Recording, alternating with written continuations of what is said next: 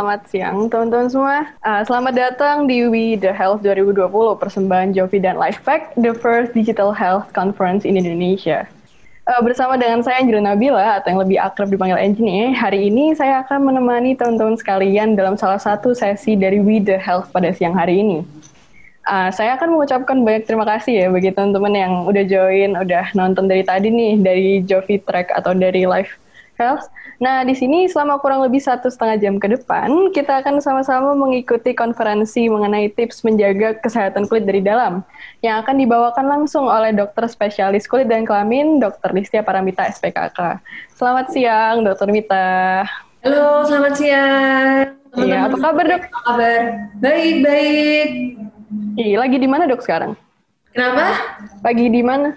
Lagi di klinik. Nah, udah buka praktek juga ya? Jadi. Udah, udah. Cuman eh, ini udah kelar sih. Cuman nggak keburu kalau pulang dulu kan. Jadi di sini dulu aja.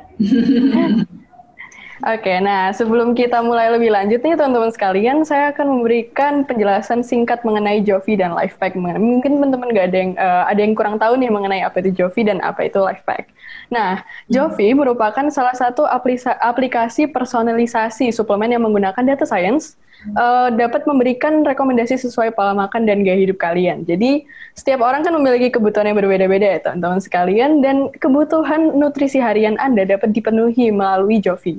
Nah, hanya dengan menjawab beberapa pertanyaan yang disediakan di aplikasi ini, kamu akan mendapatkan rekomendasi suplemen dan vitamin, dan kalian bisa memilih rekomendasi sesuai dengan kebutuhan kalian.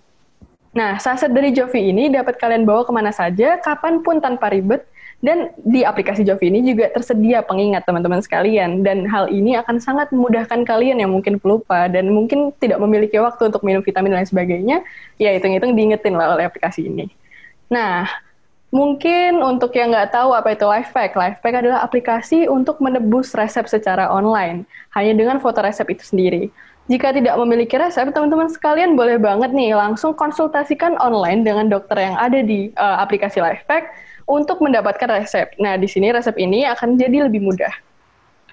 Dan obat yang ada di Lifepack ini setelah kalian sudah mulai uh, kalian sudah konsultasi dengan dokter uh, bisa langsung diantarkan oleh dok, uh, oleh aplikasi ini dalam waktu satu hari. Nah, karena kita lagi di acara With the Health, dalam rangka memperingati ulang tahun yang pertama, teman-teman sekalian, Jovi dan Lifepack menghadirkan With the Health sebagai bentuk kontribusi nyata di bidang kesehatan. The Health adalah konferensi kesehatan secara digital yang pertama kali diselenggarakan di Indonesia, teman-teman sekalian. Dan kali ini kita menghadirkan banyak sekali narasumber ternama dengan membawakan berbagai isu seputar kesehatan. Nah, pada The Health kali ini, uh, kami mengusung tema kesehatan seputar new normal yang akan diisi oleh berbagai praktisi kesehatan dengan keahliannya masing-masing. Nah, selain sesi dari Dr. Mita, ini juga sebelumnya ada sesi yang seru banget nih dari Dr. Robi Asri Wicaksono mengenai pandemi dan seksualitas. Yang juga sekarang sedang berlangsung, teman-teman sekalian, sesi dari Dr. Jaka Pradipta yang membawakan topik mengenai persiapan uh, mengenai new normal itu sendiri. Nah, mungkin teman-teman sekalian, uh, tadi kan sudah kenalan nih sama uh, Dr. Mita. Nah, Kali ini kalian juga bisa menyebarkan keseruan dari With The Health dan mendapatkan hadiah senilai puluhan juta rupiah dengan cara mengikuti kompetisi. Bagaimana sih? Mungkin kalian pada bertanya-tanya ya, gimana caranya dapat jutaan rupiah dari Jovi dan uh, Lifepack? Kalian bisa mengikuti challenge-nya di Instagram, Twitter, dan blog dari With The Health Indonesia. Lalu bagi kalian yang sekarang sedang masuk sesi konferensi melalui Zoom juga berkesempatan teman-teman sekalian untuk mendapatkan door prize serta hadiah menarik lainnya dengan cara memberikan pertanyaan semenarik mungkin dan mengisi survei yang akan dibagikan di akhir acara. Jadi mungkin teman-teman uh, mungkin ya memiliki pertanyaan nih, kan mungkin selama pandemi ada yang nggak bisa keluar untuk beli skincare dan lain sebagainya, stres di rumah terus uh, akhirnya breakout dan lain sebagainya, bisa langsung tanya ke ahlinya karena di sini Dokter Mita hadir di sini untuk membantu permasalahan kalian selama di rumah. Nah, acara With Health ini tidak akan bisa berlangsung tanpa adanya dukungan dari berbagai pihak yang bersedia menjadi sponsor. Untuk itu, kami mengucapkan terima kasih kepada Homecare 24, PT Bumi Nusantara Jaya, Lemonilo, Jakel Huskol, Together, Kisah Tani, dan Lab. Selain itu, juga dukungan dari media partner kami dari surabaya.tribunnews.com, brileo.net, idntimes.com, popmama.com, Sonora FM, Smart FM, dailysocial.id, MNC Trijaya FM, Nova.id, Great Health, dan Nakita.id. Nah, sekarang saatnya nih untuk kita masuk ngobrol-ngobrol sama Dokter Mita ya, bintang tamu yang keren banget nih menurut saya pribadi. Nah, kali ini kita bakal ada sesi tanya jawab juga ke Dokter Mita mengenai topik tips menjaga kesehatan kulit dari dalam. Nah, Dokter Mita ini, bagi kalian yang kurang tahu, Dokter Mita adalah seorang dokter spesialis kulit dan kelamin dari Universitas Gajah Mada sebagai salah satu lulusan tercepat yang menempuh pendidikan spesialis dengan waktu 3,5 tahun. Keren banget nggak sih? Keren banget aplaus buat Dokter Mita. Nah, saya itu uh, mungkin kali ini kita bakal ngobrol-ngobrol lebih lanjut ya dengan Dokter Mita mengenai persiapan di new normal. Tapi sebelum itu uh, Dokter uh, Dokter Mita akan presentasi terlebih dahulu. Nah, waktu dan tempat dipersilahkan untuk Dokter Mita, silahkan. Oke, terima kasih banyak. Selamat siang teman-teman semua. Uh, siang hari ini kita akan ngobrol-ngobrol ya tentang uh, kesehatan kulit ya secara umum, kemudian ya khususnya pada saat ini kita menyongsong new normal gitu ya. Hmm. Apa sih yang harus dipersiapkan, kemudian apa aja yang harus diwaspadai uh, gitu ya, apa aja yang harus kita tekankan di situ karena balik lagi teman-teman perlu diingat bahwa kita ini memang menjelang new normal, tapi kita belum selesai pandeminya ya itu yang harus digarisbawahi bukan berarti new normal terus kita uh, udah selesai nih wabahnya gitu. Justru belum. Dan angka uh, apa namanya angka kejadian positif COVID-19 juga di Indonesia ini kan masih belum menunjukkan tanda-tanda turun ya sebetulnya ya. Masih naik terus kemarin aja 1200-an gitu kan. Tempo hari sempat 900 800 naik lagi jadi 1000 ke atas gitu. Jadi sebenarnya uh, waspada gitu. Jadi jangan lengah, jangan lengah uh, seolah-olah kita tuh udah bebas dari pandemi ini belum. Teman-teman perlu diingat bahwa kita ini belum selesai, pandeminya itu belum selesai. Kita masih ongoing, kita masih harus banyak uh, berjuang untuk supaya si COVID ini memang benar-benar bisa teratasi gitu ya. Nah, oke, okay, kita mulai ya. Sebentar. Oke, nah ini uh, kelihatan nggak ya? Ah, kelihatan kok dok. Kelihatan ya, oke. Kesehatan kulit di masa new normal. Jadi sebenarnya apa sih yang berubah gitu ya? Ketika kita sebelum pandemi dan kita setelah pandemi itu apa sih yang berubah gitu ya? Ada beberapa hal yang berubah di uh, kehidupan kita sehari-hari, terutama terkait dengan kebiasaan baru, habit baru, untuk menjaga kesehatan kita, ya kan? E, pemakaian hand, hand sanitizer tentunya meningkat dibanding sebelum kita era wabah ini, ya kan? Keluhan-keluhan juga jadi e, muncul nih, keluhan e, kulitnya kering atau mungkin iritasi kayak gitu-gitu, jadi lebih sering. Tapi uh, kita kan nggak mungkin kemudian 100% menghindari hand sanitizer misalnya kayak gitu kalau misalnya ada alergi atau uh, kulit keringnya. Jadi kita bisa uh, pakai cara tertentu karena kita tetap butuh hand sanitizer tapi gimana caranya untuk meminimalisir resiko efek sampingnya kayak gitu ya. Kemudian juga kebiasaan-kebiasaan berjemur gitu juga uh, apa namanya mulai meningkat kan karena kita pengen dapat uh, vitamin D untuk meningkatkan imunitas tubuh. Itu kan uh, mulai mulai digemari kembali ya. Sekarang kan berjemur jadi kayak uh, kebutuhan kayak gitu. Kemudian kemudian juga ada pemakaian masker. Habit memakai masker yang kemudian uh, apa namanya menimbulkan keluhan baru seperti jerawat atau memperburuk kondisi jerawat yang sudah ada gitu. Nah ini adalah contoh-contoh kondisi uh, tangan yang mengalami iritasi, mengalami alergi ketika menggunakan hand sanitizer, gitu ya. Ini salah satu contohnya. Jadi gimana dong supaya kita tetap bisa pakai hand sanitizer tapi meminimalkan resiko gangguan kulitnya, gitu kan? Pertama adalah perlu diingat pemakaian hand sanitizer itu tidak wajib, gitu ya. Kalau tidak wajib kalau tidak wajib hand sanitizer kalau kita mudah mengakses air mengalir dan sabun untuk cuci tangan gitu ya jadi kalau teman-teman stay di rumah aja atau mungkin di kantor yang mudah aksesnya kepada uh, keran air, sabun ada gitu, lebih baik cuci tangan dengan sabun dan air mengalir. Kayak gitu. Ya.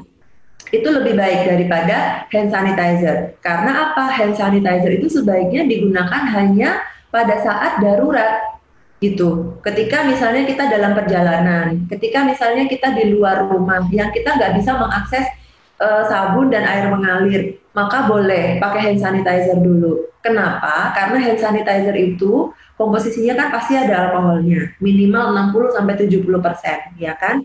Jadi itu memang memang iritatif gitu. Jadi karena dia iritatif, maka sebaiknya memang tidak digunakan uh, sering, hanya digunakan pada saat darurat aja.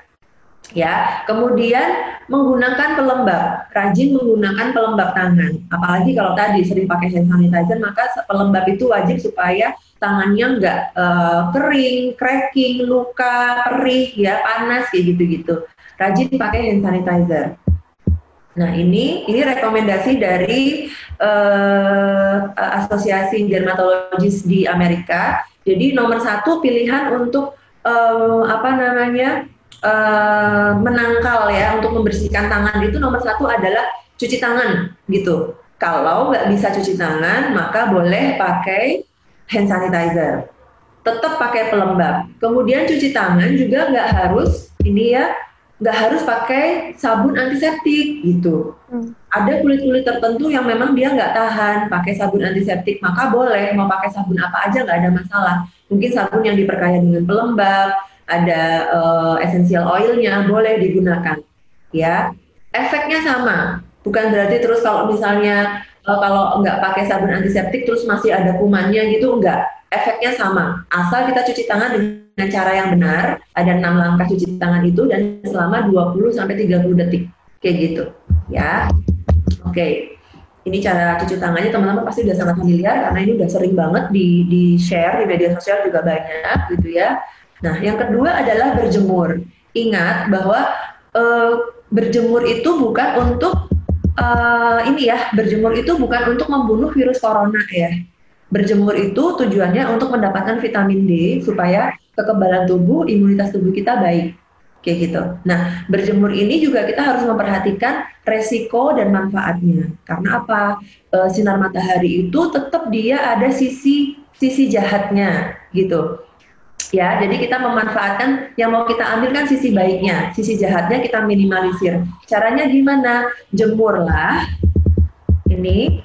Nah, jemurlah bertahap jangan langsung lama jemurnya karena kadang-kadang kulit orang bisa beda-beda gitu. Jadi jemur itu eh, 10 sampai 15 menit udah cukup atau dimulai dari 5 menit naik 10 menit itu cukup. Kemudian eh, tidak perlu setiap hari. 2 sampai 3 kali seminggu itu sudah cukup. Kemudian jamnya ini kalau di dari uh, Perdoski atau Perhimpunan Dokter Spesialis Kulit itu menyarankan di sekitar jam 9 gitu. Cuman kadang-kadang kan cuaca masing-masing kota bisa beda-beda ya, gitu kan. Di kota A jam 9 mungkin uh, masih mendung, di kota yang lain jam 9 udah terik banget gitu. Nah kalau teman-teman mau lebih objektif, itu bisa uh, cek di smartphone masing-masing, di smartphone masing-masing, lihat yang namanya indeks ultraviolet, gitu ada yang namanya indeks ultraviolet. Jadi ketika indeks ultraviolet itu di atas tiga sudah mulai bisa untuk berjemur gitu. Ya, diharapkan uh, jemurnya di bawah jam 10 aja. Jadi jam 9-an, setengah 9 gitu oke, okay, nggak ada masalah. Kemudian tidak tidak harus semuanya dibuka gitu. Karena 20% minimal dari permukaan kulit yang dipaparkan kepada sinar matahari itu sudah cukup untuk memproduksi vitamin D yang dibutuhkan oleh kulit gitu ya. Eh sorry dibutuhkan oleh tubuh kita. Gitu. Ya. Kemudian masalah yang sering juga dihadapi adalah jerawat. Karena masker. Jadi memang benar adanya bahwa kadang-kadang pemakaian e, masker yang yang sering dalam durasi yang panjang itu juga memperburuk jerawat atau mencetuskan munculnya jerawat yang baru ya. Terutama biasanya pada uh, tenaga medis sih ini yang sering ya. Tenaga medis yang menggunakan uh, masker uh, surgical atau masker N95 gitu. Karena kan itu memang uh, apa rapat banget gitu ya terutama N95 itu sering banget nih teman-teman sejawat kita yang uh, bertugas di uh, apa namanya rumah sakit dan mereka memang menggunakan APD sampai level ketiga, itu sering banget terjadi keluhan seperti ini gitu. Mereka mengeluhkan munculnya jerawat-jerawat di sekitar area yang ditutupi oleh masker itu. Itu. Ini contohnya. Nah, ini uh, ini uh, medis sih biasanya yang seperti ini. Nah, untuk uh, kondisi uh, masyarakat awam yang menggunakan masker kain itu juga uh, apa namanya sering dijumpai keluhan-keluhan seperti ini gitu. Jadi nomor satu adalah uh, supaya meminimalkan ya, meminimalkan uh, efek dari penggunaan masker supaya nggak jadi jerawat banyak kayak gitu.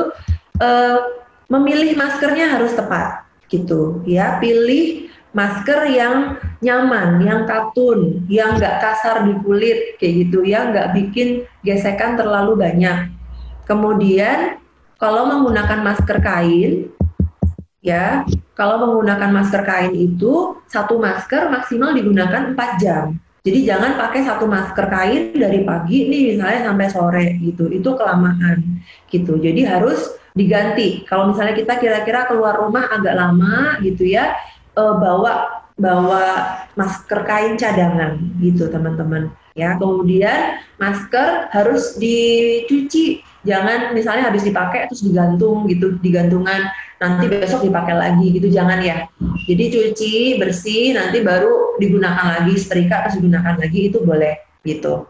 Dan jangan lupa uh, ini cara-cara pemakaian memakai maskernya. Ngelepas maskernya juga harus benar gitu ya. Tangan harus dalam kondisi bersih maskernya tuh harus nutup hidung dan mulut. Jadi kadang-kadang banyak di jalan saya melihat ada maskernya tapi maskernya kadang dicantelin doang gitu ya di leher gitu. Atau dipakai tapi nanggung gitu. Yang ditutupin cuma mulutnya doang hidungnya masih kebuka kayak gitu-gitu. Jadi kalau pakai masker harus yang benar. Mulut dan hidung benar-benar tercover tertutup. Kemudian membuka masker uh, sebaiknya dari belakang. Jadi dari belakang uh, apa namanya ke depan baru ditaruh di tempat yang kotor. Atau dari kalau cantolannya di telinga ya dari telinga dibuka terus uh, diletak di tempat yang kotor gitu ya. Kemudian jangan lupa uh, walaupun kita pakai masker tetap ya teman-teman sekali lagi karena kita masih dalam suasana pandemi tetap terapkan protokol-protokol kesehatan ya. Itu sih uh, apa kebiasaan-kebiasaan uh, yang kemudian mungkin bisa menimbulkan keluhan-keluhan kulit baru ya selama kita masa pandemi ini. Kemudian gimana sih caranya merawat kulit selama masa new normal atau selama masa wabah ini. Karena banyak banget pasien-pasien yang mengeluhkan e, dok saya itu rasanya cuma di rumah aja gitu nggak ke mana-mana. Tapi kok muka saya jadi lebih kusem ya? Tapi kok jerawat saya jadi makin banyak ya? Gitu. Coba dilihat lagi apakah memang kebiasaan-kebiasaan untuk merawat kulit itu tetap dilakukan ketika kita di rumah Jangan-jangan karena mentang-mentang merasa di rumah aja, terus kita jadi malas pakai skincare misalnya gitu. Terus kadang-kadang habit kita juga berubah loh. Waktu kita cuma di rumah aja ini, ya kan? Tidur kita jadi berantakan. Karena ngerasa aku di rumah aja, nggak perlu nggak perlu bangun pagi gitu. Jadi sering uh, streaming mungkin nonton film drama Korea kayak gitu. Sampai subuh misalnya. Itu sering banget tuh kan? Nah itu juga berpengaruh pada kondisi kulit kita. Kemudian pola makan. Apakah kok ada yang berubah ketika kita di rumah aja pola makannya? Gitu. Ya kan? Uh, apakah sedang banyak makan yang junk food junk food makan yang instan instan atau mungkin lagi nyetok kopi yang literan mungkin sering setiap hari beli kopi ya kan? Itu juga berpengaruh loh gitu. Kopi terutama sekarang yang kekinian kan yang latte ya kan? Yang uh, apa namanya uh, susu kayak gitu. Nah itu kan gulanya lumayan banyak dan itu juga pasti mengganggu ke kondisi kulit gitu. Jadi e, merawat kulit nggak hanya perkara tentang menggunakan skincare, tapi juga habit-habit kita setiap hari, lifestyle-nya itu juga berpengaruh gitu. Jadi memang harus diperbaiki terus.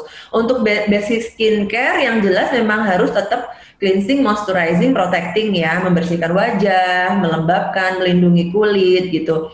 Walaupun di rumah aja judulnya, itu kulit kita tetap ada pergantian sel kulit. tetap kelenjar-kelenjar di kulit kita tetap berproduksi, kelenjar minyak tetap ada, kelenjar keringat tetap ada. Jadi walaupun ceritanya di rumah aja, tetap skincare harus jalan. Sunscreen walaupun di rumah aja sebaiknya tetap dipakai.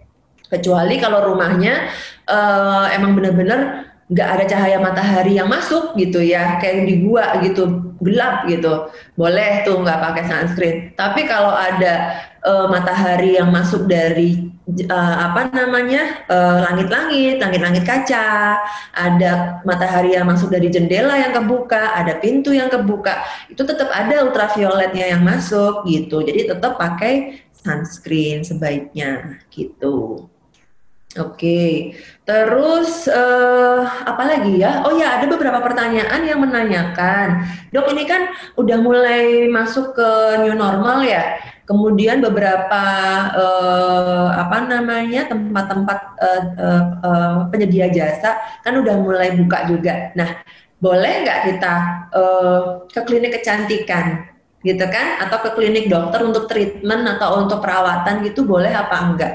Kayak gitu sebenarnya perlu ada beberapa hal yang harus kita ingat, ya.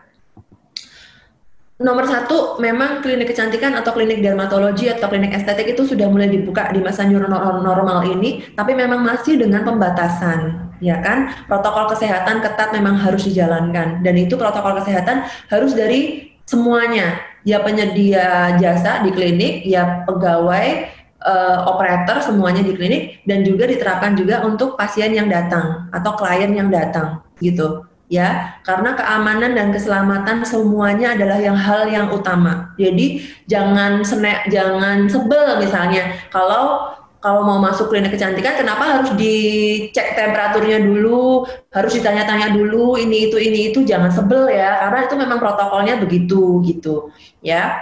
Kenapa satu, kita masih dalam suasana pandemi. Ya, judulnya kita kan menuju new normal, tapi sebenarnya perlu diingat masih ada wabah di belakang kita, di sekitar kita ini. Jadi ingat, tidak ada yang bisa menjamin keamanan secara 100%. Tidak ada yang bisa menjamin keamanan 100%. Makanya kita harus selalu waspada. SOP harus dijalankan secara ketat ya baik dari uh, apa klinik yang menyediakan layanan maupun pasien karena kadang-kadang ada pasien itu yang ngeyel gitu misalnya. Ya dikasih tahu bahwa oh kalau mau masuk ke klinik ini harus pakai masker e, ibu kakak gitu. Ada yang nggak mau loh. Ah males ah pakai masker ribet pengap susah nafas kayak gitu. Ada yang kayak gitu. Nah mohon maaf kadang-kadang kalau yang memang tidak mengikuti aturan itu tidak kita perkenankan masuk gitu loh kalau yang nggak mau pakai masker ke masuk ke dalam klinik ya kita nggak perbolehin masuk karena apa? Protokol. Lagi-lagi protokol. Kita me, uh, apa namanya melindungi semuanya, ya melindungi uh, klien kita, melindungi apa namanya karyawan yang di klinik, melindungi semuanya. Jadi kita pengen semuanya sama-sama sehat. Jadi protokol kesehatan sekali lagi harus dijalankan, gitu ya. Nah protokol kesehatan ini bisa macam-macam uh, apa jenisnya. Ada protokol untuk klien yang datang, protokol untuk uh, apa petugas di klinik, protokol untuk fasilitas dan uh, apa namanya prasarana di klinik seperti apa kayak gitu ya. Untuk pasien biasanya saat ini memang masih dibatasi. Jadi pasien belum bisa datang go show gitu datang langsung mau apa gitu kadang-kadang belum bisa karena beberapa klinik termasuk di klinik ya saya di Jogja itu semua berdasarkan perjanjian gitu. Semua by appointment. Jadi kita bisa mengatur dan mengontrol berapa jumlah orang atau klien yang ada di klinik pada jam itu supaya tidak overload atau terlalu ramai di klinik gitu kan kita masih social distancing masih physical distancing ya kan jadi kita memang harus membatasi kayak gitu kemudian uh, apa namanya dari klinik juga biasanya sudah mulai menerapkan protokol yang ketat. Misalnya tadi ya screening pasien, kemudian diukur suhu dan lain-lain. Datang uh, sendiri pasien yang yang mau apa uh, treatment atau mau konsultasi itu biasanya kita sarankan untuk datang sendiri, nggak perlu diantar. Maksudnya kadang-kadang kan ada tuh yang berobat siapa atau yang mau konsul siapa, yang nganter ada tiga empat gitu kan. Nah itu kan bikin rame di klinik kan. Jadi semua untuk yang dewasa ya untuk pasien atau klien dewasa yang datang mau tindakan atau mau konsultasi itu datang sendiri. Kecuali kalau yang mau berobat atau konsultasi adalah anak-anak. Maka boleh didampingi satu orang tua atau walinya kayak gitu. Tapi kalau dia dewasa, dia datang sendiri, diminta datang sendiri. Misalnya uh, yang nunggu ya udah di mobil aja di luar di luar klinik gitu, nunggunya di luar, nunggu di mobil atau nunggu di uh, teras gitu, nggak jadi nggak boleh masuk ke dalam ruangan klinik kayak gitu. Kemudian juga protokol-protokol kesehatan mengenai uh, higienitas dan kebersihan. Jadi semuanya sekarang serba sekali pakai, ya uh, apa alas bed semua sekali pakai, kemudian uh, apa masker sekali pakai selalu kita kasih yang baru sebelum tindakan atau apa selalu kita kasih yang baru pasien, kemudian head cap semuanya sekali pakai. Jadi selesai uh, satu pasien buang disinfeksi semuanya gitu. Makanya tadi kita perlu membatasi karena uh, protokolnya jadi lebih panjang dibanding sebelumnya kayak gitu. Selesai pasien nggak bisa langsung masuk pasien berikutnya nih misalnya treatment gitu. Selesai pasien kita kadang-kadang butuh spare waktu 10 sampai 15 menit untuk prepare lagi nih ruangannya kita semprot dulu, bersihin dulu semuanya, desinfeksi, baru apa namanya kita taruh lagi tadi bahan-bahan yang sekali pakainya, kemudian baru pasien bisa masuk lagi. Kayak gitu, ya. Oke, okay, terus um, apa lagi? Nah, apa sih kebiasaan-kebiasaan yang bisa mendukung kesehatan kulit kita itu selalu dalam kondisi baik? Ya, tadi udah sedikit disampaikan di depan skincare rutin. Ya, merawat kulit itu harus continue, nggak bisa cuma sehari dua hari terus kita pengen efeknya long last sampai bertahun-tahun kemudian gitu nggak bisa. Kemudian pola hidup, lifestyle itu berpengaruh banget.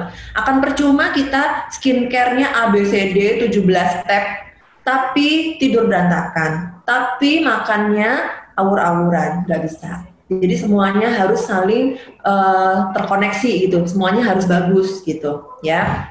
Kemudian kebiasaan olahraga itu juga menunjang, ya. Olahraga uh, kalau belum mulai mungkin bisa dimulai sedikit demi sedikit. Yang penting continue. Olahraga itu lebih baik sebentar, sebentar, sebentar, tapi rutin daripada seminggu sekali terus dihajar lima jam gitu misalnya itu tidak ada gunanya gitu. Jadi mendingan setengah jam, setengah jam, besok lagi setengah jam, setengah jam lagi, tapi continue tiap hari gitu. Itu lebih bagus ya. Kemudian uh, suplemen vitamin juga dibutuhkan ya suplemen vitamin ada banyak sekali jenisnya. Kita tinggal sesuaikan dengan yang dibutuhkan oleh kita seperti apa. Ya tentunya kalau bisa cari suplemen yang uh, benefitnya banyak gitu. Jadi selain untuk uh, apa perbaikan kulit misalnya ya untuk mensuplemen kulit atau untuk memperbaiki kondisi kulit tapi juga ada efek untuk memperbaiki daya tahan tubuh gitu kan. Ingat sekali lagi kita masih masa pandemi. Jadi imunitas tubuh harus dalam kondisi baik Kemudian hindari perilaku-perilaku atau kebiasaan yang bisa uh, merusak dalam tanda kutip kondisi kesehatan kulit kita seperti merokok, alkohol itu mempercepat skin aging. Jadi mem mempercepat penuaan dini pada kulit gitu. Oke, okay. nah ini yang tadi kita sampaikan bahwa uh, tidur malam yang teratur itu penting banget. Jadi tubuh kita itu ada yang namanya secara normal ya, secara normalnya ada yang namanya uh, irama sirkadian namanya. Irama sirkadian adalah irama atau ritme tubuh di mana pada jam-jam tertentu itu sudah ada alokasinya. Oh jam segini itu sebaiknya apa yang dilakukan, jam segini itu apa yang dilakukan. Nah, irama sirkadian ini berhubungan banget sama jam tidur yang kita perlukan. Tidur malam itu uh, sebaiknya tidak begadang karena di malam hari tadi menurut si irama sirkadian ini uh, adalah waktu di mana semua sel-sel tubuh kita itu di dibengkelin dalam tanda kutip ya, dibenerin lah, di repair, diperbaiki semua fungsi-fungsinya itu di malam hari. Tidur malam tidak bisa digantikan oleh tidur pagi, tidur sore, tidur siang, nggak bisa, beda gitu. Jadi kalau tidur malam ya tidur malam akan lebih baik misalnya kita punya tidur yang teratur. Contohnya, tidur jam 11 malam bangun jam 3 subuh. Ya, itu cuman kalau dihitung-hitung berarti cuman 4 jam. ya kan?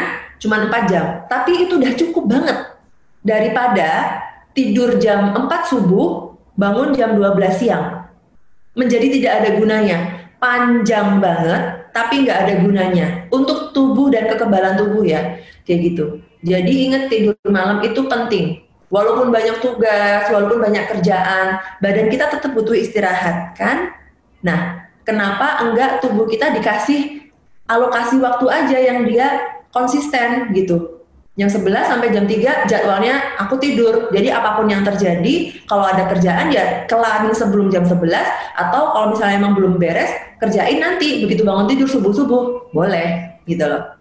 Ini irama sirkadian ini tidak hanya untuk urusan kulit, sebenarnya urusan kulit itu malah urusan yang agak nggak terlalu penting sebenarnya, tapi lebih ke kesehatan tubuh kita secara umum hormonal kita, terutama, terutama kalau perempuan ya, hormonnya akan lebih bagus kalau kita tidurnya teratur. Kemudian kondisi badan kita, imunitas kita akan lebih bagus kalau kita tidurnya punya pola tidur yang uh, habitnya baik seperti ini. Bonusnya adalah kulitnya lebih sehat, kulitnya akan lebih uh, kelihatan lebih apa ya, lebih bright, lebih cerah kayak gitu-gitu. Ya, oke. Okay. Kemudian gimana dengan nutrisi untuk kesehatan kulit? Sebenarnya kalau nutrisi untuk kesehatan kulit itu tidak ada uh, perbedaan ya dengan kebutuhan-kebutuhan tubuh untuk nutrisi yang lain gitu. Jadi intinya adalah pola makan sehat. Kita udah tahu sih pola makan sehat itu seperti apa. Yang sayurnya banyak, yang uh, apa namanya uh, buahnya harus ada, karbohidratnya dikurangi, manis-manisnya sedikit. Tapi kan namanya godaan duniawi ini banyak sekali ya gitu kan. Kopi literan banyak, boba literan banyak gitu. Gerai boba baru tiap minggu ada, ya kan? Nah, godaan-godaan seperti ini yang sebenarnya mengacaukan uh, nutrisi-nutrisi seimbang ini gitu. Karena kita kan jadi pasti rutin kan gitu. Ya boleh sih sebenarnya nggak ada yang salah cuman ingat kita tetap butuh nutrisi yang sehat yang baik gitu. Nah nutrisi yang baik itu seperti apa?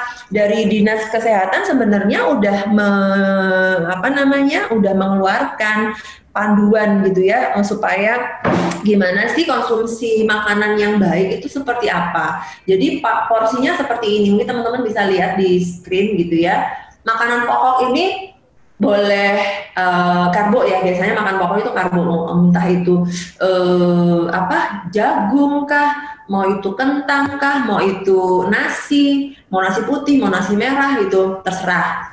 Itu ya. Tapi yang jelas makanan pokok itu sepertiga aja porsinya dari total piring kita gitu. Nah rata-rata kan sekarang kita seringnya nasinya banyak banget nih segunung gitu. Terus lauk pauknya dikit, sayurnya apalagi kadang-kadang nggak ada karena kita sukanya kan yang goreng-gorengan gitu. Ya kan, ayam goreng, ikan goreng, apa semua digoreng. Sayur kadang-kadang nggak mau, nggak doyan. Sayur bayam nggak suka, sayur kangkung nggak doyan. Ya susah jadinya kalau mau pengen kulit sehat ya emang harus sesuai kayak gini. Sekali lagi, ini sebenarnya bukan bukan spesifik untuk kulit bagus seperti ini enggak. Ini tuh adalah guidance untuk kesehatan secara umum. Bonusnya kulitnya juga pasti sehat. You are what you eat. Apa yang kalian makan itu ya representasinya di kulit. Makan sehat, kulitnya sehat. Ya, badannya sehat. Makannya berantakan, tapi kok minta kulitnya sehat, ya itu setengah mati sih. Alias sulit banget pasti. Kalau teman-teman misalnya melihat uh, uh, apa ya uh, health influencer kayak gitu-gitu kan yang cantik-cantik kulitnya bagus. Coba dicek kalau dia uh, ini pola makannya dia gimana. Dia banyak makan cilok cireng ya bakso-baksoan gitu dia makan apa enggak?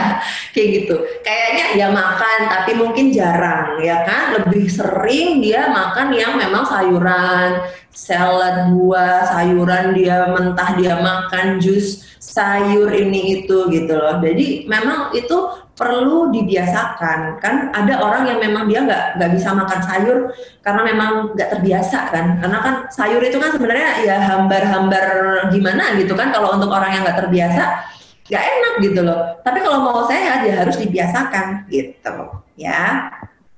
Nah ini ini adalah uh, sebenarnya ini cuman apa ya secara umum juga teman-teman pasti paham sih makan sayur buah itu wajib Kemudian jangan lupa minum air putih yang dihitung sebagai kebutuhan cairan tubuh itu adalah air putih yang nggak ada warnanya, yang nggak ada rasanya. Kalau air itu ada warnanya, ada rasanya, itu tidak kita hitung sebagai uh, pemenuhan kebutuhan cairan tubuh gitu. Jadi kalau misalnya teman-teman minum yang warnanya merah, biru, kuning misalnya kayak gitu, ya tetap air putihnya tetap harus 2 liter karena itu nggak dihitung sebagai cairan yang untuk memenuhi kebutuhan tubuh kita kayak gitu. Ya. Oke. Makanan sebenarnya tadi sih balik lagi. Yang penting itu sayur buah. Ini kan saya ambil dari referensi luar negeri kita kan agak susah ya kalau suruh cari kiwi, suruh cari almond, suruh cari aprikot, itu kan setengah mati ya. Yang ada malah nggak jadi makan sayur dan buah, gitu kan? Jadi makanlah sayur dan buah yang gampang dicari di tukang sayur ada, yang di tukang buah ada. Apalagi kita di Indonesia sebenarnya buah itu banyak banget. Gak pernah yang namanya nggak musim buah, ya kan? Kita tuh selalu ada buah, walaupun memang kadang-kadang ada musim-musiman, tapi pasti ada buah gitu. Lagi musim mangga makan mangga, lagi musim apa ya? Musim eh, apa namanya nanas yang banyak ya nanas makan. Lagi banyak semangka makan semangka gitu. Jadi tidak ada patokan sebenarnya untuk apa nih yang harus dimakan. Yang penting habitnya dulu kebentuk gitu. Karena kadang-kadang kan kita ini makan eh, makan buah sih, tapi pisang gitu. Yang ada kenyang banget itu, ya. Makan tapi pisang gitu, atau uh, suka suka sih suka buah tapi duren gitu. Nah itu kan nggak bisa kita konsumsi tiap hari gitu. Padahal tadi aturannya setiap makan harus ada sayur, setiap makan harus ada buah gitu loh. Jadi kalau buahnya ada sih, tapi cuma kalau makan malam doang dong. Soalnya kalau pagi sama siang itu keburu-buru, nggak nggak sempet ya gitu. Ya jadinya kurang karena kan anjurannya setiap makan harus ada sayur, setiap makan harus ada buah gitu. Ini uh, pertama saya mungkin mau nanya dulu ya. Ini berawal dari keresahan pribadi nih. Saya kan nggak uh, kebiasaan. Halo? Ya halo. Nah saya kan nggak kebiasaan makan sayur ya dok ya. Nah, nah saya bingung. Kira-kira selama ini sih saya nggak suka makan sayur karena emang nggak kebiasa nggak suka rasanya pahit-pahit aneh gitu. Itu emang efeknya ada sih di kulit jadi kering. Terus kayak yang lain bisa glowing. Kadang ini kayak apa ya susah aja gitu. Nah uh, kira-kira untuk orang-orang yang nggak bisa makan sayur seperti saya gini ya uh, substitusi dalam bentuk suplemen dan lain sebagainya itu bisa nggak sih dok mengganti nutrisi yang ada pada sayur? Uh, kalau substitusi dalam artian benar-benar menggantikan kayak aku nggak doyan makan sayur maka aku minum suplemen aja itu nggak boleh sebenarnya hmm. namanya suplemen kan hanya tambahan ya dia tidak bisa menggantikan yang utama jadi karena tadi si apa uh, makan sayur dan buah itu adalah faktor kebiasaan, maka ya mau nggak mau dibiasakan, sedikit-sedikit dibiasakan gitu. Sambil mungkin sebelum terbentuk habitnya, boleh kita tambah suplemen untuk nambal gitu yang kurang-kurang itu boleh, tapi tidak bisa menggantikan. Suplemen tidak bisa menggantikan uh, apa namanya uh, si sayur dan buah itu. Menambah boleh, kan suplemen ya tambahan boleh, tapi dia tidak bisa menggantikan gitu. I see, I see. Jadi mungkin uh, abis ini harus mulai makan sayur ya dok ya, biar bisa glowing ke artis Korea gitu. Faktor kebiasaan aja kok sebenarnya. Faktor kebiasaan, paksain aja. Bayangin aja nih lagi makan sayur tuh, wah kayak makan apa yang enak gitu. Nah, mungkin sekarang uh, kita bakal loncat langsung nih ke pertanyaan-pertanyaan dari orang-orang yang udah nonton. Ada banyak banget tuh, antusias banget nih teman-teman sekalian. Ini ada yang nanya nih tadi. Nadia Oktria Bigel uh, memiliki pertanyaan nih dok. Bagaimana cara mencegah iritasi kulit yang disebabkan oleh penggunaan masker sehari-hari? Tadi kan dokternya kan udah presentasi nih, ada orang-orang yang pakai masker sampai kulitnya erosi sampai luka-luka di sini. Nah, kira-kira untuk menghindari ter hal tersebut uh, biar nggak terjadi itu cara apa sih dok yang bisa dilakuin? Satu adalah pakai pelembab. rajin pakai pelembab. Jadi supaya kulitnya moist, agar kulitnya itu nggak gampang uh, luka kalau ada gesekan.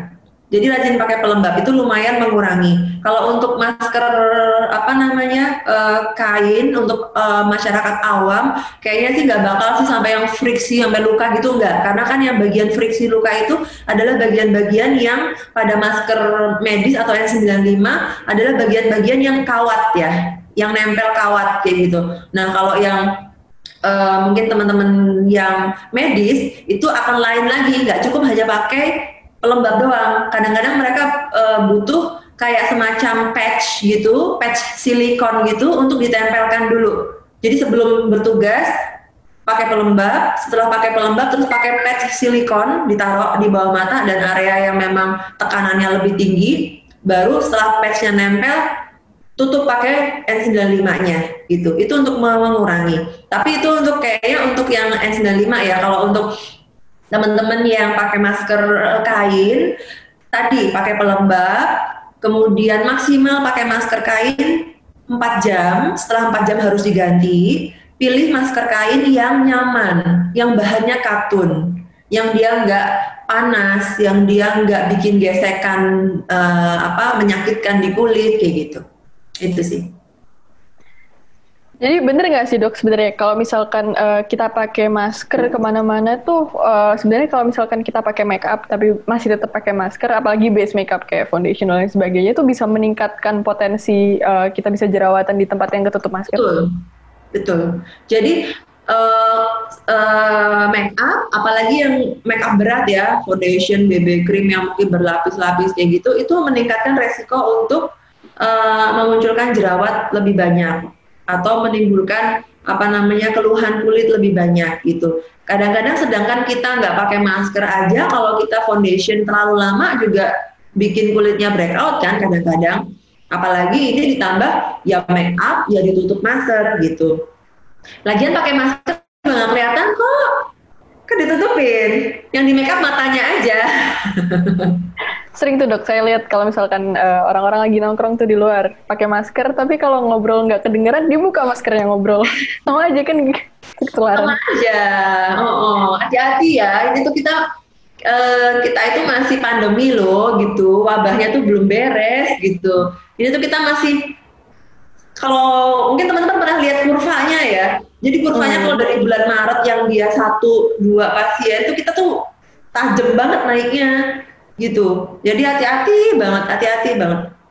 Karena memang uh, masih banyak, masih banyak banget.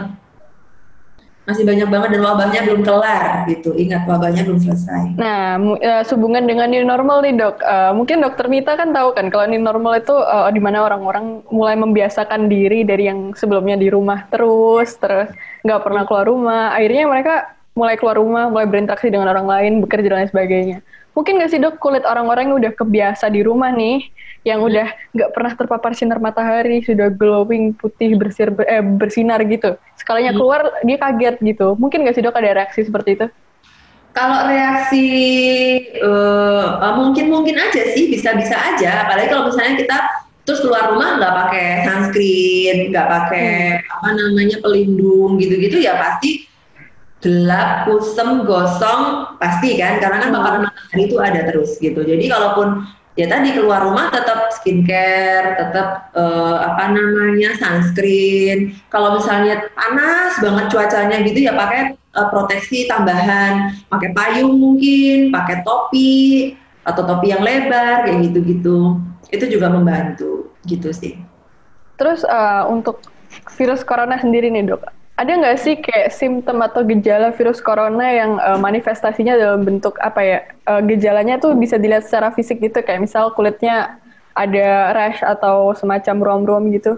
Hmm, ada, ada yang namanya uh, COVID-19 skin. Jadi dalam dalam dunia dermatologi saat ini itu lagi banyak banget dibahas yang namanya COVID-19 uh, skin manifestation gitu. Karena si uh, SARS-CoV-2 ini kan dia virus gitu. Jadi habitnya tuh juga ada yang mirip sama virus-virus yang lain gitu. Virus yang lain kan juga dia bisa menyebabkan kemerahan, rash kayak urtikaria atau kayak biduran atau mungkin kayak apa merah-merah kayak campak kayak gitu-gitu itu juga bisa terjadi tapi tidak selalu yang merah-merah terus dia COVID gitu. Jadi nggak bisa dibalik ya, bukan hubungan sebab akibat ya gitu. Jadi mentang-mentang wah teman aku kemarin merah-merah deh COVID nih kayaknya nggak nggak bisa kayak gitu karena penegakan diagnosis untuk COVID-19 itu tetap hanya saat ini ya hanya bisa dilakukan melalui swab swab tenggorokan PCR gitu. Itu untuk menegakkan diagnosisnya. Nah, uh, tadi yang COVID-19 skin itu adalah tanda-tanda. Kita lagi ngumpulin nih tanda-tanda. Tanda-tanda yang uh, oh ternyata si COVID ini tuh yang uh, yang diganggu nggak cuma organ-organ dalam misalnya, tapi sampai ke kulit pun juga kadang-kadang ada reaksi kayak gitu. Karena ini adalah virus yang cenderung baru, ya kan, belum lama. Jadi habitnya juga sampai sekarang masih diteliti gitu. Apa aja sih menimbulkan apa aja, gangguannya seberapa, seberapa cepat dia menimbulkan kerusakan, itu masih terus diteliti gitu. Terima kasih dokter itu udah menjawab banget. Saya saya selama ini penasaran kan, masa eh, nggak uh, ada sih kayak manifestasi langsung tuh dari virus COVID-19 yang bisa dilihat secara uh, langsung. Tapi kan uh, balik lagi kita nggak bisa ngejudge apakah itu corona ya. atau bukan gitu. Harus ke SPKK berarti ya. Lalu muncul tidak selalu hmm. muncul. Misalnya nih pasien COVID A setelah terdeteksi kok ternyata dia ada merah-merah ya di badan, tapi bisa aja yang B atau C dan yang lain-lain itu nggak muncul itu bisa beda, atau munculnya dalam bentuk yang lain itu juga bisa. Makanya uh, kita nggak bisa menjadikan uh, skin manifestation itu sebagai salah satu uh, kriteria diagnosis itu nggak bisa, gitu. Jadi kriteria diagnosis itu kalau dari sejawat kita penyakit dalam atau dokter spesialis paru itu sudah punya guideline guidelines untuk uh, scoring. Mereka punya ya gitu. Tapi si skin manifestation ini uh, bukan salah satunya gitu. Oke okay, oke. Okay. Nah sekarang lanjut ke pertanyaan kedua nih dok. Ini uh, saya pribadi bisa relate banget nih. Jadi ada Penanya anonimus nih nanya, uh, selamat siang Bu Dokter, uh, saya mahasiswa de di Bilangan Depok. Nah, saya sering kali makan sari roti dan telur karena praktis. Apakah aman untuk dikonsumsi tiap hari? Adakah bahaya jangka panjangnya? Mohon pencerahannya dok gitu. Uh, saya kan sekarang juga lagi ngekos ya di UI, jadi kayak bisa relate lah 11-12 itu uh, derita anak kosan makan indomie, makan telur, jarang makan sayur. Nah gitu dok. Kira-kira bahaya jangka pendek, jangka pendek dan jangka panjangnya apa sih? Sebenarnya gini ya, kalau ditanya bahaya apa enggak sih enggak ya. Enggak ada orang mati cuman gara-gara tiap pagi sarapan cari roti sama telur. Ya kan? Iya. Yeah. Tetap kenyang-kenyang aja kan gitu. Cuman kan balik lagi kita tujuannya untuk apa? Kalau tujuannya untuk ngejar kenyangnya aja, ya udah segitu kenyang. Tapi kalau kita pengen untuk leveling up tujuan kita supaya tadi daya tahan tubuh kita lebih baik, ada goals lain yang pengen dicapai kayak supaya kulitnya lebih sehat lagi, maka perlu ditambahkan sayur dan buahnya gitu. Hmm. Berarti emang uh, kalau untuk memenuhi nutrisi harian tuh kayak kurang gitu ya. Cuma kalau emang nyari nah. kenyang gitu ya bisa gitu. Iya. Nah, ini lagi. Tapi sebenarnya bener nggak sih dok kalau misalkan telur tuh bisa bikin bisul atau emang cuma apa ya ungkapan-ungkapan aja? Itu tuh mitos yang terjadi turun temurun sih kayaknya sampai sekarang juga. Enggak nggak bisa ya bikin bisul. Bisul itu tuh karena aler eh, bukan alergi. Bisul itu karena infeksi, infeksi bakteri hmm. di kulit gitu. Jadi bukan karena telur gitu sih. Nah, jadi teman-teman nih jangan takut makan telur ya. Makan telur dua terus bilang bisul enggak. Mungkin kolesterol kali. Eh, kolesterol. Nah, sorry, sorry, sorry. Oh, kolesterol bener ya. Kuning telur bener, itu emang kayak kolesterol banget tuh. Hati-hati nih kalau ayah ibunya atau kadang-kadang nih usia muda juga banyak yang kolesterolnya tinggi loh. Karena Jadi kalau makan putihnya aja gitu nggak apa-apa dok? Kayak apa? putih, makan putih telurnya aja gitu. Eh, sebenarnya gini sih, kuning sama putihnya itu kan punya fungsi berbeda. Dimakan nggak masalah gitu, cuman jangan terlalu banyak gitu sih. Hmm. Ya kan itu, apa pun yang terlalu banyak kan jadi jadi nggak bagus kan, gitu. Ini ada Ada pertanyaan dari Khairunisa Oktaviani yang menanyakan nih, Dokter Rita, saya ingin menanyakan untuk konsumsi kolagen sendiri untuk kesehatan kulit bagaimana ya? Kan sebenarnya tubuh kita udah mulai menghasilkan kolagen sendiri atau harus dipenuhi dari luar. Kira-kira apa yang harus dikonsumsi untuk memenuhi kebutuhan kolagen tubuh kita? Terima kasih. Kan sering banget tuh dok ada kayak apa ya skincare skincare yang mengandung kolagen gitu, tapi kayak ditaruh kan namanya juga skincare, tapi juga ada suplemen yang mengandung kolagen. Jadi perbedaan penggunaan yang di luar sama penggunaan yang emang di, uh, disengaja untuk uh, dimakan dan lain sebagainya. Itu kira-kira gimana dok? Uh, suplemen kolagen sih sebenarnya sampai detik ini masih belum banyak bukti ilmiahnya belum banyak bukti ilmiahnya. Uh, dari beberapa penelitian itu si kolagen ini menimbulkan efek baik pada kulit ya dia memperbaiki densitas kolagen pada kulit dia memperbaiki uh, apa namanya uh, hidrasi kulit kekenyalan kulit itu setelah dipakai kalau dari penelitian itu minimal dipakai rutin dalam waktu 3 sampai 4 bulan dengan dosis 5.000 sampai 10.000 gram kolagen gitu. Nah, yang di pasaran saat, saat ini apakah mencapai angka segitu atau enggak, saya kurang tahu. Kemudian apakah yang di pasaran saat ini murni kolagen rata-rata campuran? Kolagen plus antioksidan, kolagen plus vitamin yang lain-lain. Nah, menjadi bias karena kita jadi nggak tahu ini yang efek antioksidannya, vitaminnya, apa kolagennya gitu. Kalau habitnya udah baik, sayurnya udah cukup, buahnya udah cukup, ditambah suplemen nggak ada masalah. Tapi kalau sayur buahnya masih bolong-bolong, masih belum doyan, ditambah suplemen ya nggak kurang efektif sih. Pada prinsipnya sih boleh-boleh aja, Cuman hati-hati dengan klaim yang terlalu berlebihan. Gitu. Ya, kolagen memang bisa me, apa namanya memperbaiki hidrasi kulit, meremajakan kulit, melembabkan, masih oke. Okay. Tapi kalau kemudian klaimnya adalah menghilangkan flek, menghilangkan jerawat, menghilangkan stretch mark, itu overclaim karena belum ada buktinya sampai ke situ gitu. Nah, belum lagi nih ya, teman-teman ya di sini uh, saya mau ngingetin nih kalau misalkan beli obat yang udah overclaim seperti itu juga dilihat lagi ya apakah obat itu sudah dirilis langsung izinnya oleh BPOM. Soalnya banyak banget kan dok ya obat yang beredar di pasaran yang ternyata nggak punya izin dan mungkin nah. jika dikonsumsi bisa berbahaya juga buat kita. Hmm. Karena kalau nggak ada BPOM-nya kan kita nggak tahu siapa yang menjamin kan, siapa yang yeah. menjelaskan bahwa produk ini aman gitu loh. Jadi uh, aturan itu sebenarnya dibuat bahwa produk apa pun uh, skincare, suplemen, vitamin yang beredar itu harus mendapatkan notifikasi BPOM itu kan sebenarnya ujung-ujungnya adalah usaha pemerintah untuk melindungi konsumen masyarakat. Hmm. Nah, tinggal masyarakatnya ini mau nggak dilindungi gitu loh. kan banyak banget tuh dok obat yang uh, apa ya yang tersedia di pasaran yang serem banget katanya penggunaan dalam dua hari bisa bikin kulit kinclong iya. tapi ternyata ada merkurinya.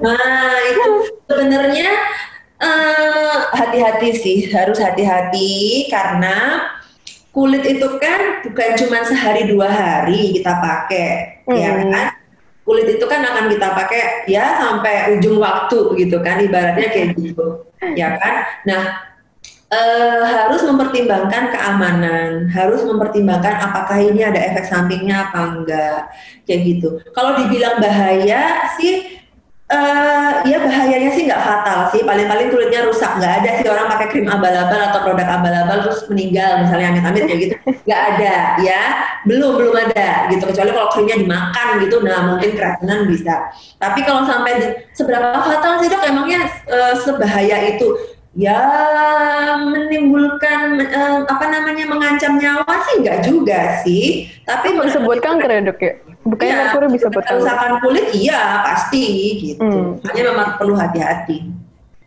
Oke okay, oke. Okay. Nah, sehubungan dengan kerusakan kulit dan lain sebagainya nih.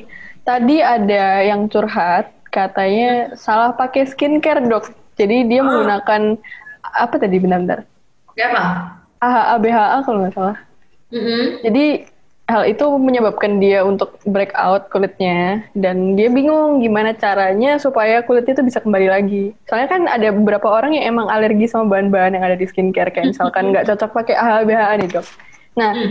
cara mengembalikan kulit yang udah rusak mungkin karena salah skincare atau mungkin karena uh, dia alergi terhadap salah satu bahan skincare-nya, itu kira-kira bagaimana, Dok?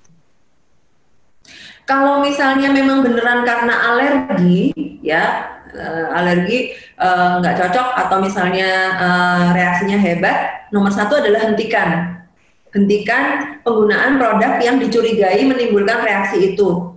Stop, jangan dipakai lagi. Yang kedua adalah basic skincare-nya dibenerin. Pelembab harus ada, lindungi kulit dari matahari karena kulit yang alergi, ada reaksi merah, reaksi gatal, perih, panas itu sensitif terhadap matahari. Jadi pakai sunscreen. Kalau dengan menghentikan kemudian menggunakan basic skincare sudah membaik, lanjutkan. Ya, tapi kalau nggak membaik juga konsul ke dokter. Kenapa nih kok mukanya masih begini terus gitu? Karena kadang-kadang memang ada kondisi-kondisi medis tertentu yang nggak bisa diatasi dengan uh, produk-produk yang dijual bebas gitu. Walaupun gitu bisa nggak sih dok sebenarnya kayak ada orang yang emang pakai skincare uh, buat hmm. bebas jerawat nggak selesai-selesai ternyata emang karena lagi hormonal aja gitu. Ya bisa, bisa-bisa aja. Sebenarnya gini kalau untuk ngomongin masalah jerawat ya semua jerawat itu pasti ada kaitannya sama hormon sih. Hmm. Hormon ini, hormon uh, dihidrotestosteron, mau pada laki-laki mau pada perempuan, itu pasti ada kaitannya sama hormon gitu. Jadi emang kalau tadi ditanya bisa nggak sih hormon berpengaruh? Ya bisa-bisa aja gitu. Nah, pertanyaannya ini ada yang nyambung dengan uh, basic skincare nih dok. Ada pertanyaan dari Christian Ingrum yang uh, bertanya, kira-kira untuk sunscreen yang bagus itu uh, eh, SPF berapa sih? Soalnya kan ada yang berada di pasaran sekitar 20, 25, 30, bahkan sampai 50 SPF-nya tuh. Nah, kira-kira uh, bagi orang yang bekerja di jam 9 pagi sampai jam 6 sore itu uh, dia menggunakan sunscreen sekali oles. Jadi kayak cuma dipakai pagi aja sebelum makeup atau lain sebagainya dan itu hmm. dipakai hingga sore. Nah, cara memakai skin eh, cara memakai skincare dalam bentuk sunscreen yang baik dan benar dan kadar SPF yang bagus tuh berapa sih dok kira-kira? SPF yang sunscreen yang bagus satu sunscreen yang dipakai secara rutin gitu. Kenapa? Karena banyak orang yang beli sunscreen bagus tapi dianggurin, cuman dipajang beli-beli doang, nggak dipakai gitu loh. Jadi sunscreen yang bagus adalah yang digunakan rutin. Satu. SPF berapa? Kalau rekomendasi dari dokter uh, spesialis kulit untuk daily use, penggunaan sehari-hari, SPF 30 cukup. Minimal digunakan dua kali. Pagi, siang. Gitu.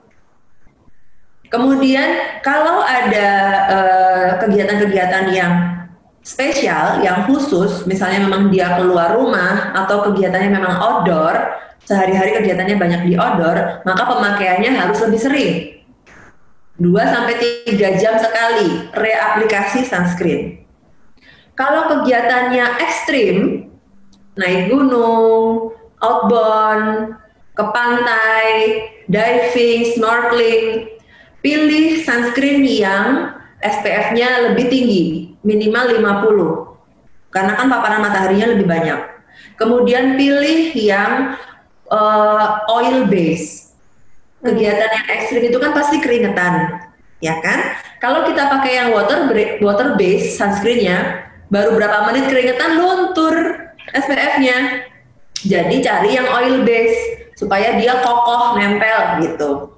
Tapi ingat yang seperti itu, yang oil base, yang nempel banget itu tidak cocok untuk digunakan sehari-hari karena nutup banget ke porinya, ya kan? Makanya memang hanya digunakan pada saat eh, kegiatan-kegiatan uh, yang apa olahraga, yang sport ekstrim atau mungkin kegiatan-kegiatan yang khusus seperti itu. Gitu nah, sih. Itu kira-kira uh, untuk mengaplikasikan ulangnya ya. Uh -uh Jadi kalau misalkan ada kan dok kayak misalkan BB cream atau foundation yang punya klaim kalau misalkan itu mengandung sunscreen, mengandung Hmm. SPF. Nah, pakai itu aja cukup nggak sih dok? Atau harus sebelumnya harus di build up lagi pakai eh, sunscreen yang beneran gitu? Sunscreen itu kan ada takaran penggunaannya. Iya. Ya kan? Memakai sunscreen itu kan paling nggak dua jari. Kalau muka dan leher, ya kan? Kalau misalnya kayak saya nih cuman muka doang, ya mungkin bisa satu atau mungkin satu seperempat lah karena muka saya lebar, misalnya kayak gitu. Ya kan? Oke. Nah, Kalau yang tadi dibilang apa eh, apa tadi pelembab terus eh, foundation gitu, ya kan? Apakah bisa berfungsi sebagai SPF? Ya bisa-bisa aja, asal makainya seperti takaran SPF gitu. Gue pakai foundation tebel banget tuh dok kalau Nah makanya kan nggak mungkin toh kita pakai foundation segitu makanya karena tidak mungkin maka perlu tambahan gitu loh. Jadi pertanyaan apakah bisa ya bisa asal digunakan seperti takaran SPF gitu. Kenapa sih harus harus ada takarannya? Ya karena kalau tidak sesuai takaran maka SPF-nya bukan lagi yang ada di label kemasan sunscreen-nya gitu. Misalnya sunscreen-nya tertulis SPF 30, ya kan? Hmm. Dosisnya tadi seperti yang saya sampaikan, dua jari untuk muka dan leher. Tapi kita pakai cuman misalnya sebiji jagung, trut trut trut trut doang kayak gitu. Nggak sesuai dosis kan? Iya. Maka SPF-nya jangan berharap 30 gitu. Nggak mungkin 30 kayak yang tertera di sini. Drop pasti. Mungkin cuma jadi SPF 5 atau SPF 7 atau SPF 10, we never know. Gitu. Karena kalau yang mau sesuai, bener-bener kita pengen, aku pakai SPF 30 dan pengen proteksinya bener-bener seperti SPF 30, ya pakai sesuai takarannya. Gitu. Ah, I see, I see. Nah, ini mungkin ada pertanyaan lebih lanjut, tapi ini ada penanya nih namanya. Bentar. Hmm? Tadi ada yang menanyakan, jadi ada orang yang sebenarnya jarang banget untuk dia jerawatan, tapi permasalahan kulitnya sedikit berbeda nih. Tapi mungkin banyak yang bisa relate ya. Jadi penanya yang ini tuh memang eh, memang dia tidak jerawatan, tapi banyak komedo dan pori-pori besar. Nah, hal ini kan terkadang bikin insecure gitu kan, Dok. Nah, kira-kira cara untuk mengulangi eh, mengurangi penampilan kulitnya seperti itu bagaimana ya? Komedo. Iya, sama pori besar. Oke, komedo itu jerawat loh. Waduh. Beda berarti ya? Itu komedo itu jerawat yang kastanya paling rendah. Oke, Hmm. jadi jerawat itu mulai dari komedo, papul merah, bernanah, jadi kista, jadi mengantong gede banget. Itu semua bermula dari komedo. Semua jerawat itu pasti awal mulanya komedo, nggak mungkin enggak. Gitu. Makanya komedo itu jerawat yang kastanya paling ringan karena dia tidak meradang. Dan biasanya justru lebih mudah diatasi karena belum ada macam-macam yang lain kan. Yang penting adalah skincare basicnya harus jalan, eksfoliasi kulit.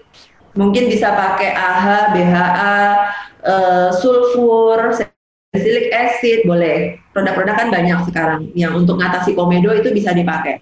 Atau niacinamide, kayak gitu-gitu, itu boleh dipakai. Hmm. Dan jangan lupa pola makan, pola tidur itu nggak bisa dipisahkan dari kondisi-kondisi yang terkait sama jerawat. Entah itu komedo, entah itu jerawat yang merah, jerawat yang meradang, itu pasti berhubungan banget sama lifestyle. Jadi memang harus dibenerin juga lifestyle-nya gitu. Jadi emang eh, orang-orang yang emang komedian dan lain sebagainya. Jadi berbagai macam permasalahan kulit itu ternyata bisa di tracing back to pola makan ya dok ya. Jadi siapa tahu emang pola makannya kurang sehat gitu. Seringnya begitu karena tadi sih you are what you eat gitu itu tuh bukan sekedar jargon ya you are what you eat gitu jadi kondisi badan kita sehat atau nggak sehat itu kan yang paling kelihatan tuh kulit duluan kan Hmm. Iya, suka nggak suka, kalau kita lagi stres banget, lagi banyak pikiran, coba deh ngaca. Kulitnya pasti kusam, ya kan? Kulitnya berminyak, jerawat muncul. Tapi kalau pas kita lagi seneng, kita lagi happy, makannya lagi sehat, kulitnya juga ngikutin gitu. Ajaib kan? Jadi emang harus apa ya berusaha untuk membuat seneng gitu ya dok ya diri sendiri. Iya, makanya kalau dari sisi apa uh, mungkin apa ya teman-teman yang penggiat uh, apa kesehatan mental atau mungkin yang banyak uh, mempelajari tentang coping terhadap stres itu kan penting banget karena coping stres itu ya berpengaruh banget kan ke kondisi iya. tubuh kita ya gitu coping stres itu penting banget dan stres masing-masing orang tuh bisa beda-beda loh. Level ketahanan kita terhadap stres itu juga bisa beda-beda gitu. Makanya memang yang bisa mengontrol ya kita sendiri gitu.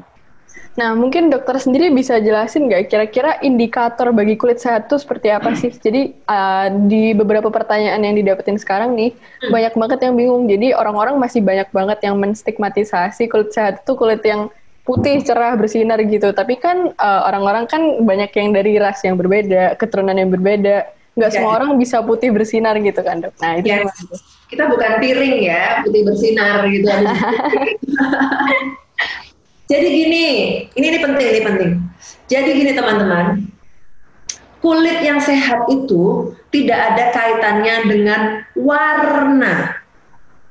Ya sekali lagi ya kulit yang sehat itu tidak ada kaitannya dengan warna kulit. Apa pun warna kulit kamu, tidak ada masalah dan tidak ada yang salah. Oke. Okay? Karena apa? Secara normalnya kulit itu kan sangat erat kaitannya dengan genetik. Bener nggak? Iya. Warna kulit, warna kulit itu pasti genetik. Saya orang Jawa, kulitnya ya beginilah adanya gitu loh, sawo matang. Mau jungkir balik sampai koprol bagaimanapun, kulit saya nggak bisa seputih orang Korea gitu. Nomor satu, acceptance dulu. Bahwa kita dianugerahi kulit yang seperti ini ya sudah diterima dengan tetap merawat ya kan? Nah, tidak ada yang salah dengan warna kulit kamu, apa pun itu warnanya. Dan yang mengatakan bahwa kulit yang cantik atau kulit yang sehat adalah kulit yang berwarna putih, itu salah besar. Itu salah besar. Itu sangat misleading dan sangat menyesatkan. Gitu. Kulit yang sehat tidak ada urusannya dengan warna kulit kulit yang sehat adalah tonnya merata. Coklat, tapi coklat dia coklat sehat, sawo matang sehat, lembab, terhidrasi dengan baik, kenyal, ya kan? Cerah, cerah beda ya dengan putih, ya kan? Kulitnya sawo matang, tapi cerah gitu loh, kelihatan sehat, kelihatan bright, kayak gitu. Ya, kemudian bebas dari masalah bebas dari rasa yang mengganggu. Kulit kulit sehat itu nggak ada rasanya. Biasa aja, B aja, ini nggak ada rasanya gitu loh. Nggak gatal, nggak perih, nggak panas, nggak rasanya cekit-cekit, nggak rasanya kenceng ketarik kayak gitu. Nggak ada rasanya. Kalau kulit yang sehat itu nggak ada rasanya. Kalau ada rasanya, ada gatal, perih, panas, uh, nyeri. Nah, itu pasti ada sesuatu gitu. Kemudian bebas dari uh, gangguan kulit atau penyakit-penyakit kulit atau gangguan-gangguan yang ada di permukaan kulit entah itu ada fleknya, entah itu jerawat, entah itu mungkin ada tumor kecil di permukaan kulit gitu loh. Hmm. Jadi nggak ada hubungannya sama warna gitu. Karena ini menjadi sesuatu hal yang misleading banget sih.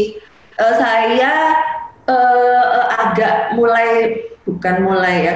Saya terganggu sebetulnya. Saya terganggu dengan jargon-jargon yang mengatakan bahwa kulit yang sehat atau kulit yang cantik itu adalah kulit yang putih. Itu sangat misleading sekali. Untuk uh, wanita terutama, ya kan? Untuk perempuan-perempuan yang matang, yang sudah bisa berpikir, itu pasti mengabaikan hal kayak gitu.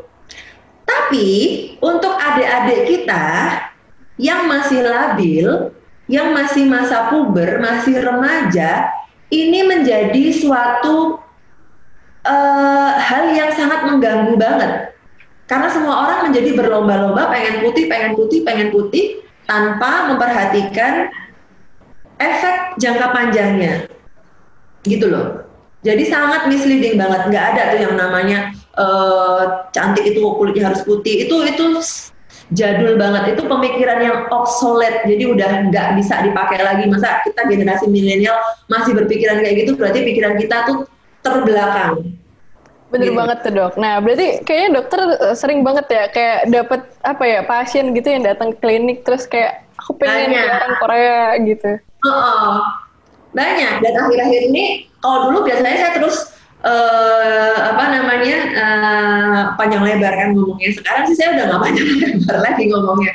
Kadang-kadang dok, uh, jadi kadang tuh ada yang datang langsung bilang, uh, dok gimana caranya mutihin kulit? Saya pengen kulitnya putih gitu biasanya saya bercandain aja aduh aku nggak tahu kalau mutihin kulit nah, kulit aku aja nggak putih gimana dong aku nggak ngerti caranya suka saya bercandain kayak gitu gitu jadi emang apa ya terkadang kan uh, yang saya dengar-dengar nih apa uh, deritanya jadi dokter tuh emang bingung mau ngikutin market antara orang-orang yang mau ngikutin orang-orang yang pengen putih atau emang emang pengen ya. menyadarkan masyarakat gitu kan ya?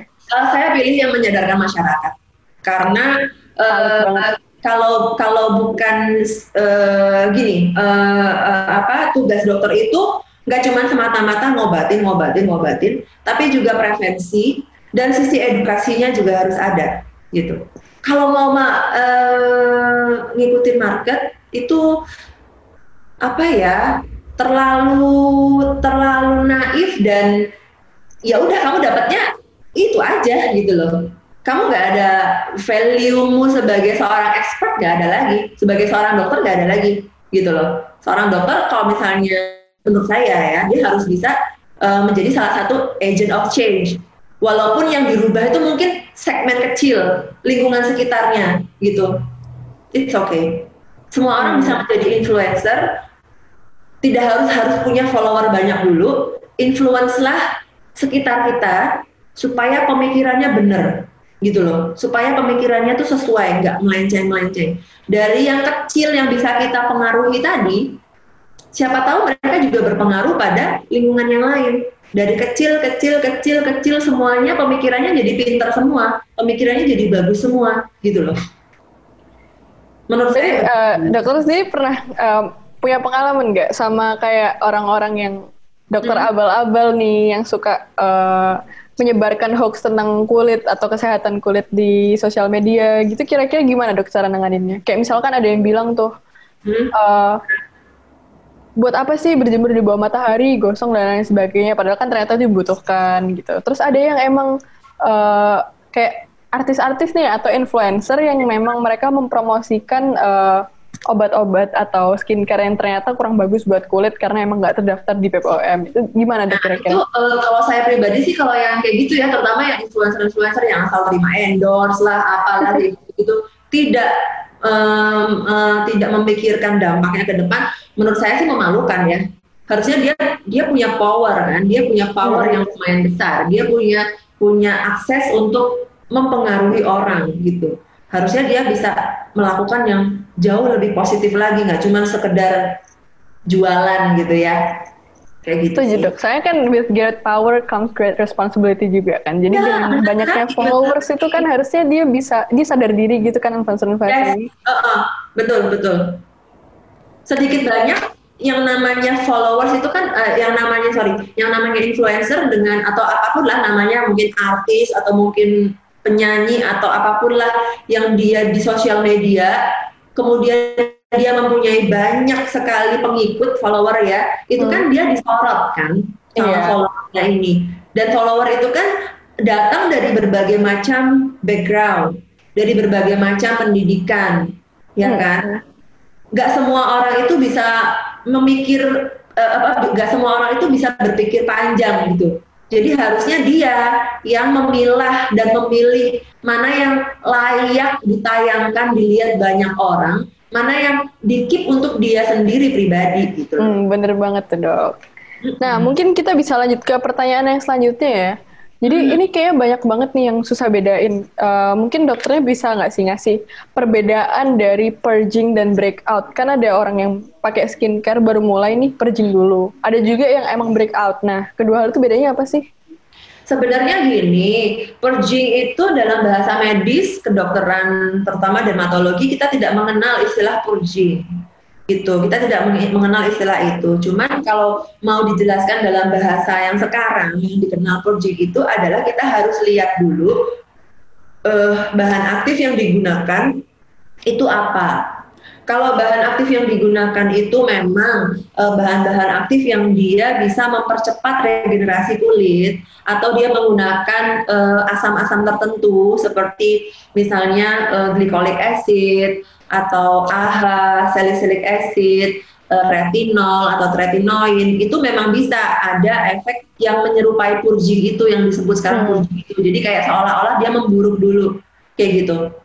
Itu ada. Tapi kalau kita lihat lagi bahan yang digunakan itu nggak ada tadi bahan-bahan yang disebutkan, nggak ada asidnya, nggak ada bahan-bahan yang memang dia bisa mempercepat regenerasi kulit. Kok tambah lama tambah buruk? Ya itu nggak cocok gitu aja. Berarti emang tiap orang memiliki faktor ketidakcocokannya sendiri ya dok ya terhadap Iya bahan bisa beda-beda kan. Kulit itu sangat personal banget, bisa beda-beda banget. Reaksi kayak faktornya gitu gimana dok? Kayak faktor yang bisa membuat kulit orang kering, faktor yang bisa membuat jenis kulit orang berminyak, sensitif, kombinasi dan sebagainya itu kira-kira gimana? Pertama adalah genetik. Oh. Jadi semua orang kan udah punya cetakan masing-masing kan?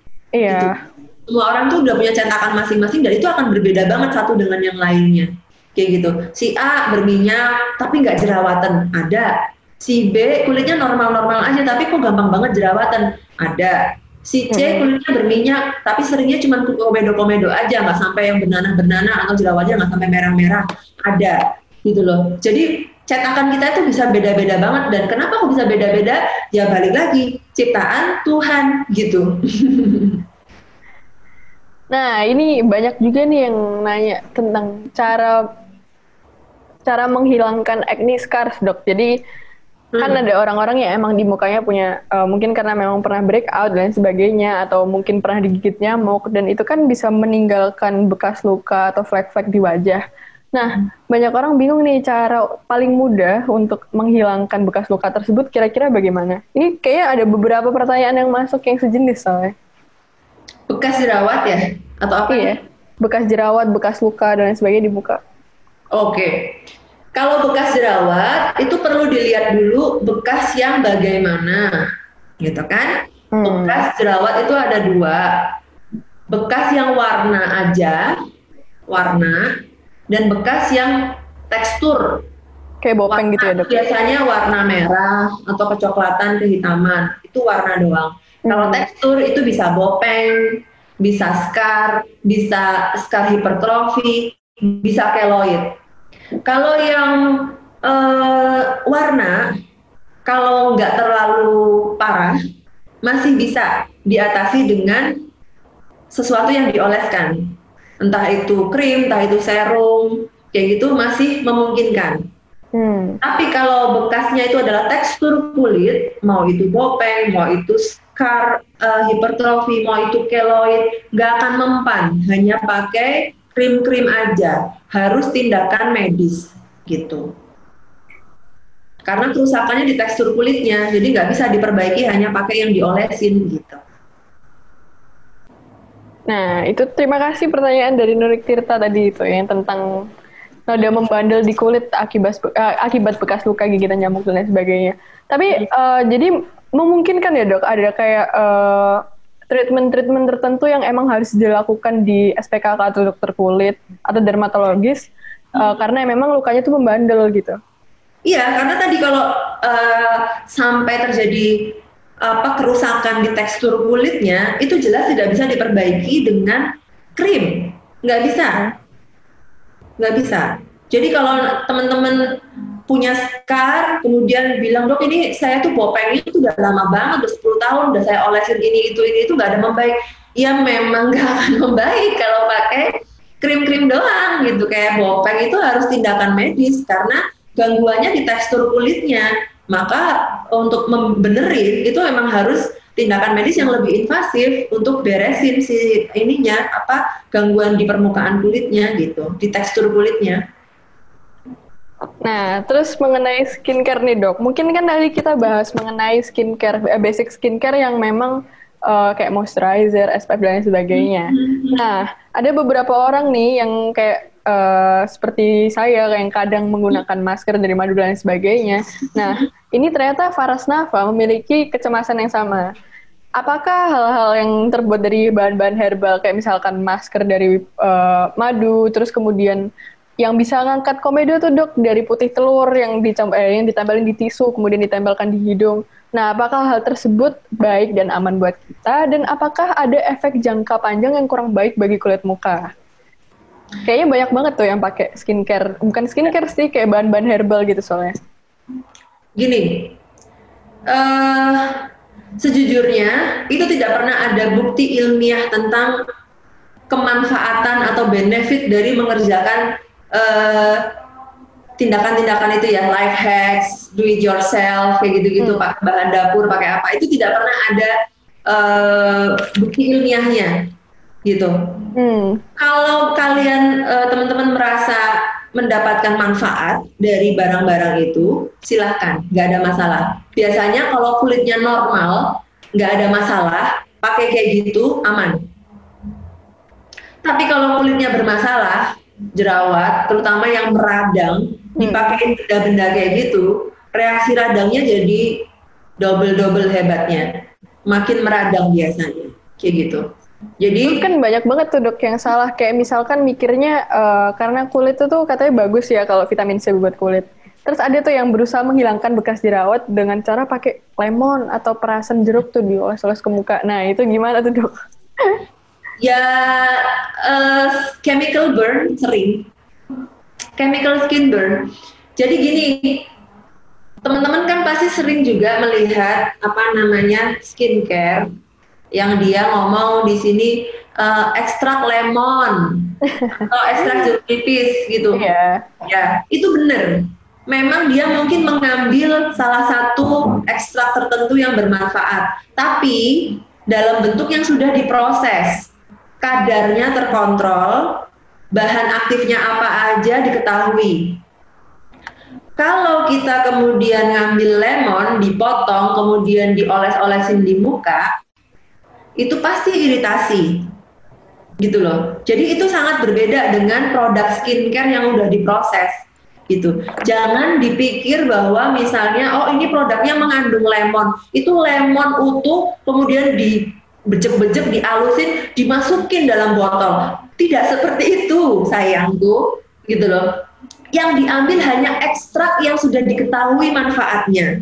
Citric acid, lactic acid, glycolic acid itu memang diambil dari tanaman, dari buah-buahan yang asam-asam itu, hmm. gitu. Tapi bukan buahnya utuh kemudian semuanya dimasukin gitu enggak hanya diambil bahan ekstraknya yang sudah terukur, kemudian diproses. Terukur prosentasenya juga ya kadarnya, karena kalau terlalu asam ya pasti jadi chemical skin burn gitu. Makanya sudah ter, ter, terproses, terkontrol kadar berapa nih yang aman digunakan untuk kulit gitu loh. Jadi hmm. bukan kemudian murni dari lemon ditemplokin ke muka, itu juga jadi nantinya ya pasti iritasi kalau kulitnya nggak tahan gitu. Merusak kulit gitu ya dok berarti? Apa? Merusak kulit gitu kan berarti? Merusak, ya? merusak kulit. Dan kadang-kadang kerusakannya tuh nggak terjadi langsung loh, gitu. Ada yang namanya uh, iritasi ringan tapi terjadi berulang-ulang sehingga terjadi penggelapan kulit dipakai sekali oke, okay. dua kali oke. Okay. Dua bulan kemudian dia ngeluh, kok muka aku tambah gelap ya dibanding sama leher gitu. Setelah ditanya-tanya-tanya-tanya, ternyata sering pakai itu, gosokin lemon, gosokin jeruk nipis, pakai cuka apel gitu. Itu iritasi terjadi akumulasi sampai terjadi hiperpigmentasi pada akhirnya. Itu sering terjadi. Nah, ternyata itu ya dok ya, asik banget ya ngobrolin kayak gini. Soalnya banyak banget tuh mitos-mitos di masyarakat yang ternyata nggak bener. Banyak, Misalkan banyak. skincare cuka apel tuh kan banyak banget tuh yang pakai toner Iya. dari cuka apel gitu. Iya, banyak sih mitos-mitos seperti itu. Nah, saking asiknya nih, kan gak kerasa ternyata sudah satu setengah jam ini berbincang sama dokter Mita. Nah, sayangnya kita sekarang udah sampai di akhir sesi nih teman-teman sekalian. Nah, terima kasih kepada dokter Mita yang sudah menyampaikan informasi serta udah membenarkan mitos-mitos yang ternyata salah nih di masyarakat. Mungkin eh, dokter Mita punya pesan terakhir atau punya closing statement buat teman-teman sekalian yang lagi nonton nih. Mhm. Kira-kira punya pesan nggak dok? Kayak punya apa ya, eh, yang bisa buat ngewanti-wanti orang-orang yang lagi lihat nih atau gimana gitu? Intinya adalah rawatlah kulit dengan baik dan benar dengan produk yang aman, dengan produk yang sesuai dengan eh, kulit kita gitu. Kenapa saya selalu wanti-wanti pakai produk yang se- sesuai sama kulit kita masing-masing? Ya karena kulit kita itu beda sama kulit saya, pasti beda dengan kulitnya Mbak Enji, pasti beda dengan kulitnya yang lain. Jadi apa yang mereka-mereka pakai bisa juga nggak cocok loh di saya gitu. Hmm. Itu bisa banget. Makanya harus kenali kulit kita seperti apa, kenali kebutuhan kulitnya apa. Kemudian jangan lupa kalau pengen kulit sehat, balik lagi habit lifestyle-nya harus sehat juga. Karena akan percuma kita beli, wah skincare ini itu ini itu mahal, sebotol harganya 3 juta setengah misalnya kayak gitu macam-macam ini itu dipakai tapi lifestyle-nya belum baik lifestyle-nya masih serampangan ya nggak optimal jadinya gitu Nah, terima kasih teman-teman sekalian. Terima kasih Dokter Mita atas waktunya. Saya Anjeli pamit, pamit undur diri dan sampai jumpa di sesi selanjutnya. Dadah. see you Thank you.